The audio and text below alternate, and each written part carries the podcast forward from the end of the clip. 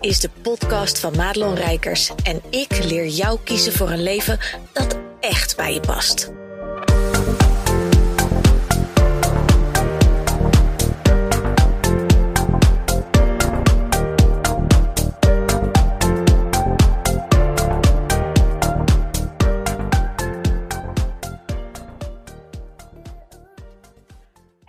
Goed dat je luistert naar deze podcast. En ik zit lekker beneden, dus het klinkt misschien wat hol, want wij hebben een hele hoge, heel hoge plafonds in, uh, in de woonboerderij. En Mosi, onze kolos boel mastief, nou bijna niet meer pup van ongeveer een maand of acht, die uh, ligt hier lekker op zijn op kussen bij me. Dus het kan zijn dat je denkt, ligt er nou een volwassen kerel te snurken? Maar nee, dat is gewoon de dikke pup. Uh, deze podcast gaat eigenlijk over een vervolg op de ayahuasca-ceremonie podcast die ik een tijdje geleden heb uh, geplaatst. Die staat overigens niet op Spotify, dus mocht je denken, hé, hey, waar heeft ze het over, want die heb ik niet gezien. Uh, op de een of andere wazige wijze krijgen we hem niet op Spotify. Dus of dat nou censuur is of er was iets met de bestand, ik weet het niet. Maar je kunt hem sowieso, als je mij opzoekt op Podbean, uh, P-O-D-B-E-A-N, of uh, je zoekt me op op iTunes, daar kun je die uh, podcast nog uh, terugluisteren. Want ik ben vlak daarna, tien dagen nadat ik die ayahuasca-ceremonie heb gedaan, ben ik naar Engeland gegaan. En daar is iets heel bijzonders gebeurd wat ik in deze podcast met je wil delen, omdat daar gewoon ook een hele mooie boodschap uitspreekt. En ik graag mijn eigen ervaringen ook inzet om een punt te maken.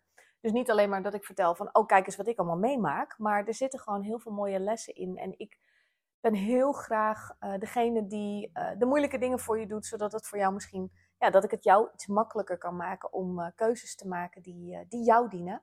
Dus vandaar dat ik dat met je ga delen. Nou, in een nutshell, wat er gebeurd was bij de ayahuasca-ceremonie. Want als je denkt, ja, Rijkers, ik ga niet helemaal eerst die andere of nog een keer of überhaupt luisteren voordat ik deze podcast ga luisteren in die ayahuasca-ceremonie. Daar was in het uh, tweede deel van die ceremonie, uh, wat echt na een aantal uren was, heb ik iets heel bijzonders uh, meegemaakt. wat heel heftig, heel intens was. Namelijk dat ik het um, overlijden en de periode daar vlak voor van mijn stiefvader heb herbeleefd en doorgeleefd. En een stukje heb mogen loslaten. Ik vind hele altijd een beetje zo'n eh, er zijn allemaal van die woorden, ken je dat? Dat je dan denkt, ach, jammer dat je dan weer dat woord gebruikt. Maar het, het is echt een stukje loslaten. Want ik heb die ceremonie gedaan omdat ik wist, ik ben natuurlijk al jaren bezig met mezelf ontwikkelen, met allemaal door shit heen werken. Met... Ik ben helemaal voorstander van dat je je eigen shit ook op orde moet hebben. Niet alleen maar gewoon als ondernemer, als coach, maar ook als moeder. Uh, en als ziel, als mens gewoon hier op aarde. Ik vind dat echt heel belangrijk. En niet om de hele dag bezig te zijn met uh, trauma's uh, helen, maar wel om jezelf te ontwikkelen om steeds een stapje verder te komen. Uh, want dat is gewoon belangrijk. En dat heeft niets te maken met dat ik dan strategisch keuzes ga maken. En daar, dat ik dat bedoel met verder komen. Maar dat je echt als mens, als ziel, hier op aarde je pad loopt. en ook het juiste pad wat voor jou bedoeld is. En dat is best nog wel een uitdaging. En ik loop mijn pad ook. Dus ik weet hoe het voelt om dat te doen. Dus die, in die ceremonie, ik, ik wist gewoon, er is iets wat ik er, wat, waar ik niet doorheen kom. Uh, wat wel ergens blijkbaar in mijn onbewuste toch een rem vormt of een, een blokkade vormt of whatever. En ja, dat was dit stukje. En dat was echt een kluis. Uh, moeder Aya, zoals de plant liefdevol genoemd wordt, heeft net zo lang aan de deur staan te rammen, totdat ik echt niet meer kon om hem dicht te houden. En toen kon die open. Wat me heel veel kots heeft opgeleverd, uh, maar ook heel veel tranen en heel veel gevoel en heel veel ja, verdriet weer mogen voelen om een stukje wat ik gewoon heb weggestopt. Uh, en dat stukje, want je kunt je voorstellen, als er iemand overlijdt, dan is er het verdriet van het overlijden. Als iemand uh, kanker heeft gehad of een ander soortgelijke, hè, een, een ziekte wat, wat eh, wat je gewoon aanziet komen, wat langer duurt, waarin je iemand van wie je heel veel houdt ziet wegkwijnen, of pijn lijden, of whatever, ziet struggelen en lijden. Dat zorgt voor verdriet. Nou, dat was allemaal aan de hand bij mijn stiefvader. Die was 38 toen hij overleed. Ehm, wij hebben, mijn moeder en ik, dat helemaal thuis uh, samen verzorgd. Daar is geen thuiszorg aan te pas hoeven komen. We hebben het over het jaar 1996. Ik was toen 16 jaar. En ik deed eindexamen uh, van de MAVO. En ik was eigenlijk, uh, nou ja, op het moment dat dit speelde, wist ik dat ik al aangenomen was voor de HAVO. Mocht ik door. Ik had er namelijk in mijn brugjaar een klein beetje een teringzooi van gemaakt. Iets andere prioriteiten, waardoor ik uiteindelijk de MAVO ben gaan doen en niet de HAVO meteen. Uh, uiteindelijk was ik de vijfjarige HAVO, dus ik heb niet eens een jaar verloren. Moet dan ook wel weer om lachen. Maar ik wist, ik was dus aan het uh, eindexamen doen in de periode dat mijn stiefvader Frank, want zo zal ik hem verder gewoon even noemen, dat is makkelijker, zieker werd en zieker werd. Mm, hij kwam echt op bed te liggen volgens mij. Toen had ik al zomervakantie. Hij is uiteindelijk op 2 juni overleden. En volgens mij, uh, maar dat kan ik me niet meer goed herinneren. Volgens mij stond dat bed namelijk wel al in de kamer. Maar was het op het moment dat ik eindexamen deed, was hij natuurlijk al flink vermagerd en zo. Maar was hij nog wel in staat om een beetje rond huizen rond te hobbelen. Maar dat weet ik eigenlijk me niet zo goed meer te herinneren. Ik weet wel dat ik dan thuis kwam. En uh, dan kwam ik natuurlijk van school en gewoon de perikelen die je als puber hebt. En ik werd in die tijd ook nog vreselijk gepest. En dat kwam natuurlijk in die ceremonie ook naar voren. Kwam ik thuis en, en daar uh, draaide ik dan vervolgens mee in het huishouden. Mijn moeder die heeft de meeste lichamelijke verzorging gedaan van, mijn, uh, van, van Frank. Um, en ik deed vooral ook de huishoudelijke taken, maar er waren soms ook fysieke taken die mijn moeder niet alleen kon. Dus wat er dan gebeurde, en, en dat is letterlijk zo gebeurd. We hadden natuurlijk ook van de, van de thuiszorgwinkel hadden we zo'n zo'n pooststoel. En voor iedereen die denkt, wat is dat? Nou, dat is gewoon een stoel op, volgens mij op wieltjes. En, en dat ziet er allemaal heel, uh, uh, ja, thuiszorgwinkel uit. Um, en daar zit een, um, een, een, een, ja, een soort schaal in. Hè, dus in de zitting. Daar kan je een, een, een bedekking op doen. En als iemand uh, die ziek is dan naar het toilet moet, ja, heel vaak dan is dat te veel gevraagd. En dan gaat de deksel eraf en dan gaan ze op de pooststoel. Dus dan gaan ze letterlijk daar naast het bed, um, gaan ze op die stoel. En dat betekent ook dat in dit geval mijn moeder die tilde Frank uit bed. Uh, want die vrouw die heeft echt, jongen, dat is net superwoman. Die heeft echt oerkrachten. Dus die deed dat allemaal maar eventjes met haar 1,56 en een half. Want mam, ik weet dat je luistert. Die halve centimeter is heel belangrijk. Dus die noem ik. Um, maar zij hield hem vast. Hij deed zijn, hè, ze zette hem neer, hield hem vast. Want ja, daar had hij gewoon de kracht allemaal niet voor. Zo erg was het inmiddels. Ik denk dat hij nog niet eens 35 kilo woog uh, op het moment dat hij stierf. Hij was een man van, uh, weet ik veel, 1 uh, zoveel 80. Vervolgens had hij zijn behoefte gedaan. Wat natuurlijk eigenlijk ook al niet veel meer was. Hè? Want ja, er ging ook allemaal niks meer in. Er was ook allemaal zondevoeding dingen. Of van die pakjes of wat was het ook alweer. Van dat astronautenvoeding eigenlijk. Hoe noemen ze dat ook weer? Bijvoeding. Maar die had je dan in banaansmaak en weet ik veel. Nou ja, mensen die ermee te maken hebben gehad of in de zorg werken, die weten wat ik bedoel. Vervolgens was hij klaar. Mijn moeder die tilde hem op, die hield hem vast. Ik deed dan vervolgens zijn billen afvegen. Mijn moeder die deed hem netjes weer aankleden, zorgen dat hij weer in zijn bed lag, et cetera. En dan ruimden we de boel op. Er is geen haar op mijn hoofd geweest in 1996 die ooit heeft bedacht uh, dat ik dat niet wilde doen. Um, die ging rellen. De, de, hele puberteit zoals die voor die leeftijd eigenlijk een beetje bekend staat dat was, dat was bij ons thuis niet aan de orde. Um, ik denk ook echt, en dat zeggen mijn moeder en ik wel eens tegen elkaar, ja, dat, dat is het moment waarop ik sowieso volwassen uh, werd. En daar stopte gewoon echt het kinderstuk. En dat was natuurlijk al daarvoor. Hè, want eh, het ziektebed zelf uh, met het liggen is niet alleen maar het einde. Daar zit natuurlijk ook nog anderhalf jaar van proces voor. Maar in die ayahuasca-ceremonie zepte ik dus op de een of andere manier met mijn bewustzijn weer terug naar dat moment. En, en dat begon eigenlijk in die reis met dat stukje dat hij letterlijk overleed. Daar waren mijn moeder en ik ook bij. Dat was gewoon thuis, wat natuurlijk super fijn is, maar ook heel intens. Um, dus ik zag mezelf daar als 16-jarige huilen aan het bed. Uh, wat er allemaal gebeurde. Ik hoorde, uh, zonder dat ik mijn oren gebruikte in die ceremonie, hoorde ik mijn moeder weer zeggen wat ze toen zei. Uh, wat heel intens was. Want ja, als je je partner verliest met wie je eigenlijk nog maar net getrouwd bent. Eigenlijk heb je net de liefde van je leven eindelijk te pakken. En dan gebeurt er dit. En dat is het leven. Dat kunnen we met ons brein allemaal wel rationaliseren. We, we hebben allemaal ons deel in het leven. Maar het is toch wel fucking zuur, of niet? Dus dat was heel intens en heel heftig. En in die reis zag ik dus ook, ging het heel langzaam, of eigenlijk heel snel, van dat beeld van dat bed ging het terug naar daarvoor. Dat we dus letterlijk met die poosstoel en dat afvegen. En ik, ik weet nog dat ik op mijn matrasje lag met die ayahuasca-ceremonie. En ik zag mezelf die billen afvegen. En ik moest zo hard huilen om mezelf. Wat ik ook ingewikkeld vond. Omdat ik dacht, ja, wat, wat heb ik nou een reden om te janken, weet je wel? Wees blij dat je niet degene was die op die poosstoel moest. Ehm, maar ik heb zo hard gehuild, want ik zag mezelf en ik dacht, ik wilde dat niet doen. Iedereen die mij heel goed kent, die weet dat ik, ik ben niet van de fysieke.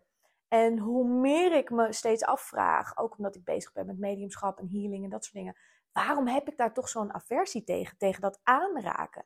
En, en ik wil ook niet per se door andere mensen aangeraakt worden. Ik hou daar niet zo van. Ik vind dat ingewikkeld. En steeds meer kom ik tot de kern van allerlei dingen die ik heb meegemaakt. Dat ik denk, oh, interessant ja. Nou, en dit was dus ook dat ik zo hard moest huilen. Want ik, mijn, mijn kind, mijn innerlijke kind, een kleine meid, die wilde dit helemaal niet doen.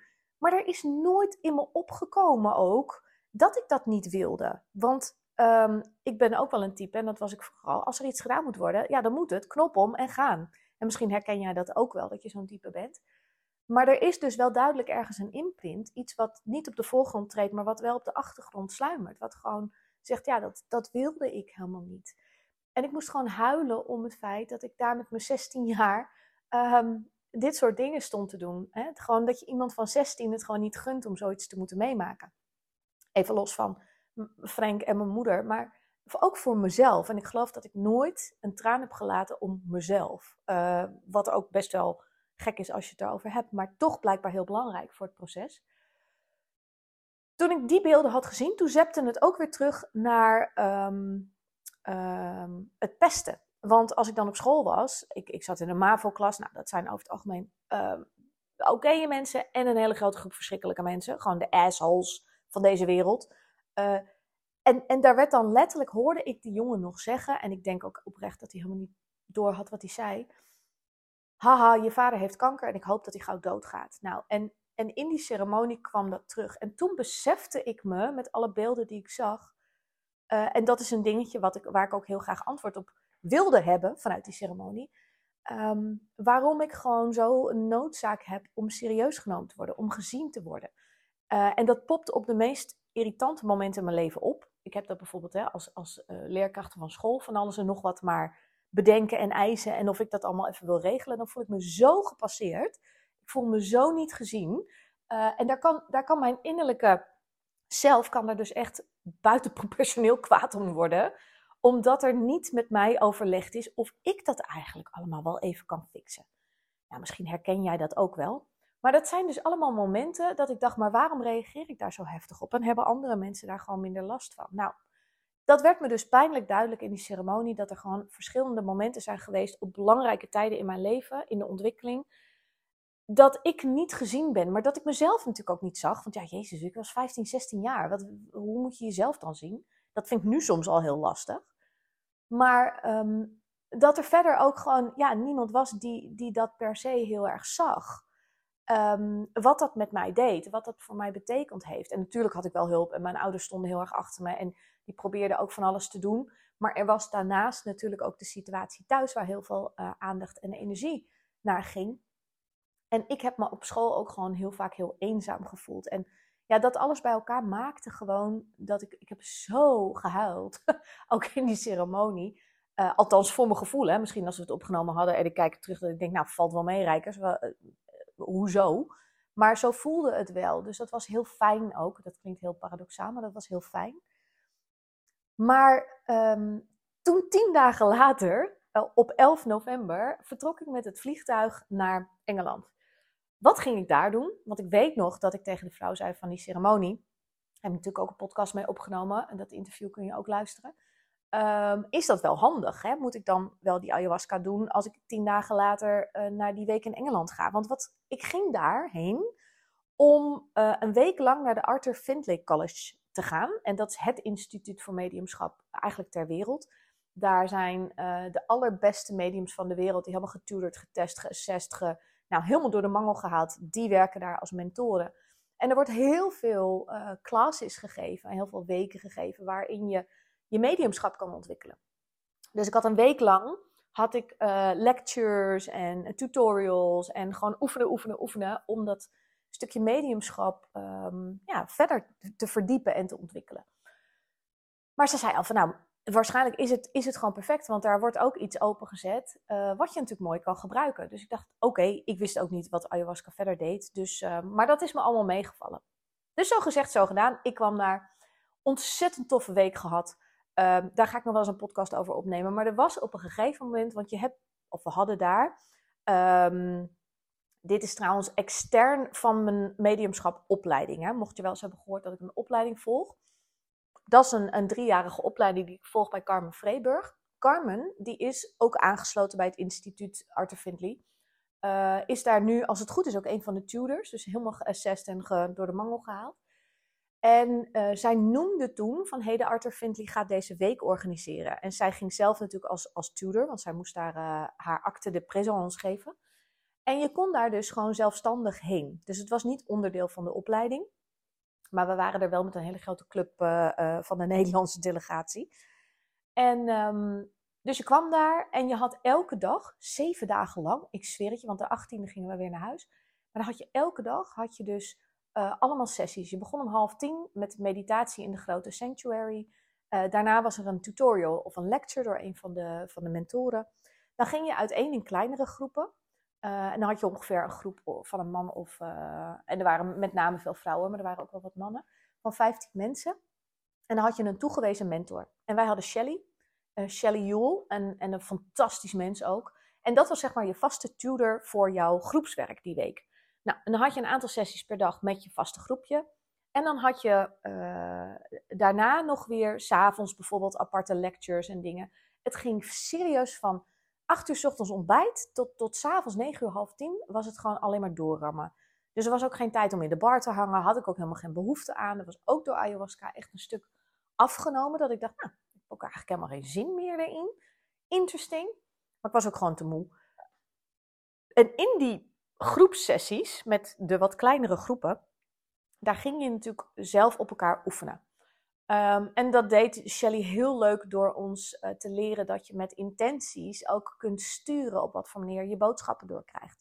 En we leerden, we leerden daar ook heel erg en hoe interpreteer je het en welke woorden gebruik je, et cetera, et cetera. Maar elk oefenmoment probeerden we natuurlijk zoveel mogelijk met een nieuw iemand. Dus er waren genoeg mensen om de hele week iedere keer iemand anders te hebben.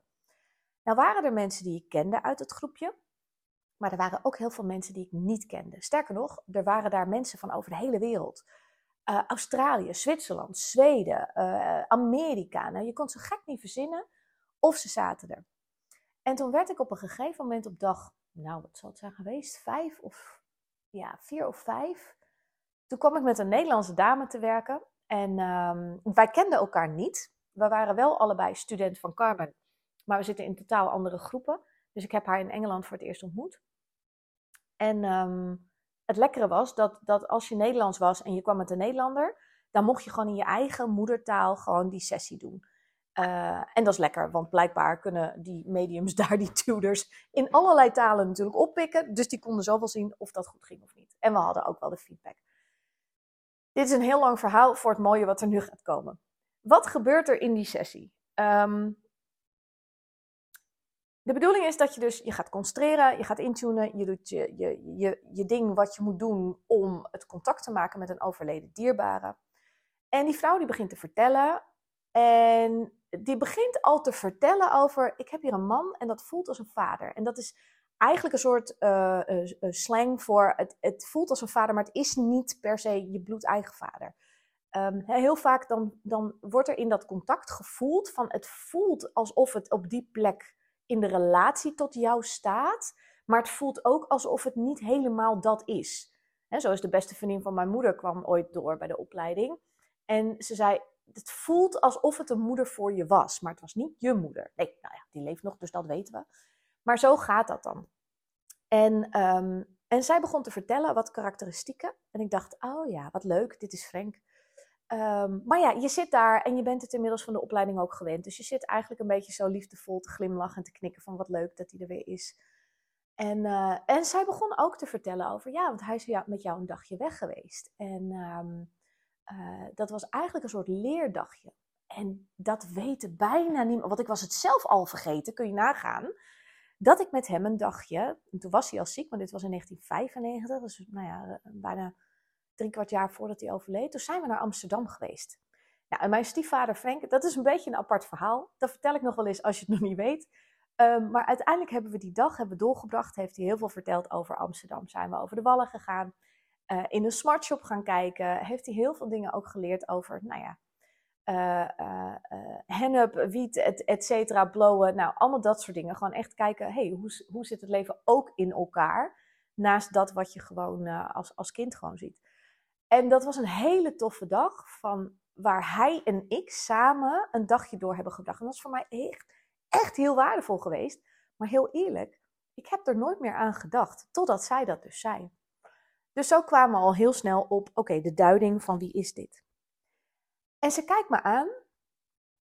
En ze kijkt heel serieus en ze, en ze zegt iets in de trant, ik weet het niet meer woord voor woord. Ze zegt, en hij weet wat je voor hem hebt gedaan. Ze zegt, hij, hij weet hoe zwaar het is geweest voor jou en hij ziet jou.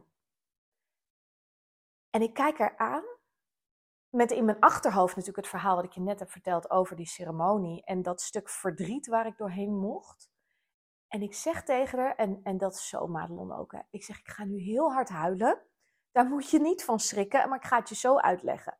Dus ik begon echt, nou, weet je, handjes over je mond en je neus hard te snikken. Waarop natuurlijk ook de hele ruimte dacht, oh bloody hell, wat gebeurt daar? Ehm, maar dit was voor mij zo'n mooie afronding van dat stukje. Omdat ik de bevestiging kreeg, je hebt mij gezien, je erkent mij. En niet dat dat, dat, dat nou, ja, blijkbaar is het wel nodig, maar niet dat dat nou, dat hij dat moest doen. Maar het is zo helpend voor mij geweest om letterlijk eigenlijk terug te horen vanuit in feite de overleden kant. Ik heb jou gezien. Ik heb jou gezien en, en je had het niet hoeven doen en toch heb je het gedaan. En dat stukje waardering, dat stukje erkenning, ah man, man, man, dat neem ik zo ontzettend mee in mijn leven. Dat heeft voor mij zoveel veranderd in mij. Je zal er misschien aan de buitenkant niet zo heel veel weet van hebben, maar in mij. En wat nou, wat ik kan me voorstellen dat je denkt, god, ik zit er twintig minuten naar je te luisteren en ik, ik hoop ergens een beetje ademloos dat je boeit wat ik, wat ik met je deel. En als dat niet zo is, dan is dat ook oké. Ehm, maar wat ik nou wil zeggen eigenlijk met dit verhaal, is dat je je niet door de wijs moet laten brengen van wat je voelt, ervaart of waarneemt. Want er zijn zoveel mensen die geloven niet in wat je doet. En of je nou echt hè, all the way gaat in, in, zoals ik bijvoorbeeld, mediumschap, healing en allemaal dingen die gewoon heel ongrijpbaar zijn. Of dat je gewoon letterlijk uh, de coaching, maar eigenlijk nog gewoon praktische coaching en daarvoor eigenlijk al op de slagbank wordt gelegd als zijnde van ja, maar dan doe je eigenlijk niks, hè? Dan, uh, dan, dan licht je mensen op. Als jij zo sterk voelt dat iets klopt voor jou, dan mag je daar altijd voor gaan staan hoef je je nooit door de van de wijs te laten brengen. Want je kunt je misschien voorstellen, ik ben natuurlijk wat dat betreft ook een flap uit. Dus ik wil overal en nergens, zou ik wel willen vertellen over mijn ervaringen die ik meemaak. In de ayahuasca-ceremonie, in Engeland, in de mediumschapopleiding en gewoon ook hier thuis. Maar dat is niet altijd handig. Want uh, de dag dat ik terugkwam van Engeland, Um, S'avonds gingen we op de terugweg even langs bij wat familie en even op een verjaardag. En ik dacht, ik moet toch eten en ik vind het ook wel leuk om daar even gewoon uh, te zijn, want zo vaak zien we elkaar ook niet. En dan is het, zonder dat die intentie er is van de andere kant hoor, maar dan is het zo'n koude kermis als je dan daar zit. En, en daar zit ook team skepsis. Er zitten ook mensen die wel heel erg geïnteresseerd zijn en het ook geloven. Maar er zit ook team skepsis. En dat is echt een koude kermis als je na een week lang ondergedompeld te zijn dan thuis komt. Maar mijn punt is dat, dat veel te vaak worden mensen, uh, jij, mijn klanten, uh, gewoon intuïtieve vrouwen, vrouwen die mooi werk doen, die worden onzeker gemaakt, die worden klein gehouden, die worden eigenlijk door de omgeving naar beneden gehaald, al dan niet intentioneel. Hè, want ik, ik weet dat er heel veel mensen zijn die helemaal niet doorhebben wat ze doen bij de ander. Maar er zijn ook heel veel mensen die gewoon moedwillig uh, je op de kast jagen en moedwillig klein houden. En dat is allemaal leuk en wel, maar het is niet de fucking bedoeling. Andere boodschap die ik met deze podcast wil bewerkstelligen is: ga alsjeblieft door de moeilijke zaken heen. Uh, ga een moeilijk gesprek niet uit de weg. Uh, als je voelt dat je ergens in wordt tegengehouden, ga op zoek naar hulp. Want ondanks dat de ervaring, hè, zoals wat ik je net uitlegde bij de ceremonie, heel intens was. En ik echt tijdens dacht, oh nooit meer, nooit meer, ik doe dit nooit meer. Uh, zijn ze ook tegelijkertijd heel mooi. Want ik denk, ik had het niet anders willen doen. En eigenlijk is hetzelfde met het overlijden en het ziekbed van Frank, mijn stiefvader. Dat ik denk, ik had het eigenlijk ook niet anders gewild. Uh, en dat, dat is een beetje lastig, omdat je denkt, voor mijn moeder had ik het graag anders gewild. Maar voor mij, het heeft mij ook gevormd tot wie ik ben. Dus moeilijke zaken zijn er ook echt om er doorheen te gaan werken. En om ze een plekje te geven, om dingen te kunnen loslaten. Zodat je nog meer de ruimte kunt gaan geven aan wie jij werkelijk bent. Want ik kan je verzekeren dat het punt waar je nu staat, in je leven, in je business, is over vijf jaar een heel ander punt. Want dat wat je nu doet inhoudelijk met je werk, dat gaat vanzelf zijn plekje nog vinden als jij maar durft om steeds meer te gaan staan voor wie je bent, om steeds meer te gaan uitwerken wat je hier werkelijk te doen hebt. En heel vaak bij mijn klanten is dat ook een stukje wazige schissel, weet je, even je innerlijke bosheks uh, uh, naar boven halen. Maar ook steeds weer een verdiepende laag, steeds weer een stapje verder gaan in, oh, maar dit kan ik ook. En steeds meer gaan staan ook voor je waarde, voor je expertise. Dat jij hier bent, dat je goed bent in wat je doet, dat je hier met een reden op aarde rondloopt. En ik hoop dat ik je met deze uh, podcast een, daar een, een klein duwtje in mag geven. Om echt die stappen te nemen. Om, om je niet alleen maar hè, van de wijs te laten brengen door anderen. In wat je voelt, ervaart of waarneemt. Of wie je bent. Uh, maar ook dat je door de moeilijke zaken van jezelf heen beweegt. En niet de uitdaging uit de weg gaat of een moeilijk gesprek niet voert, al dan niet met een partner of een klant of een vriendin, maar dat je echt zegt: hé, hey, maar dit is wie ik ben, dit is mijn grens. Het is vooral ook echt grenzen stellen. Tot slot, als je zegt: hé, hey, maar ik wil hier meer van weten, ik wil ook echt wel gaan staan voor wie ik ben en wat ik hier te brengen heb. Ik geef op 18 december aanstaande nog voor één keer dit jaar mijn gratis masterclass Staan voor wie je bent. Hoe kan het ook anders? En dan ga ik je helemaal meenemen in het stuk waarvan ik als ondernemer na al die jaren weet, dit is het allerbelangrijkste wat je op orde moet hebben om elke groeispeurt en elke situatie gewoon aan te kunnen. Zodat je met jouw bedrijf, maar ook vooral met jouw leven, gewoon echt de ruimte kunt pakken en het helemaal kan inrichten zoals dat het allerbeste bij jou past.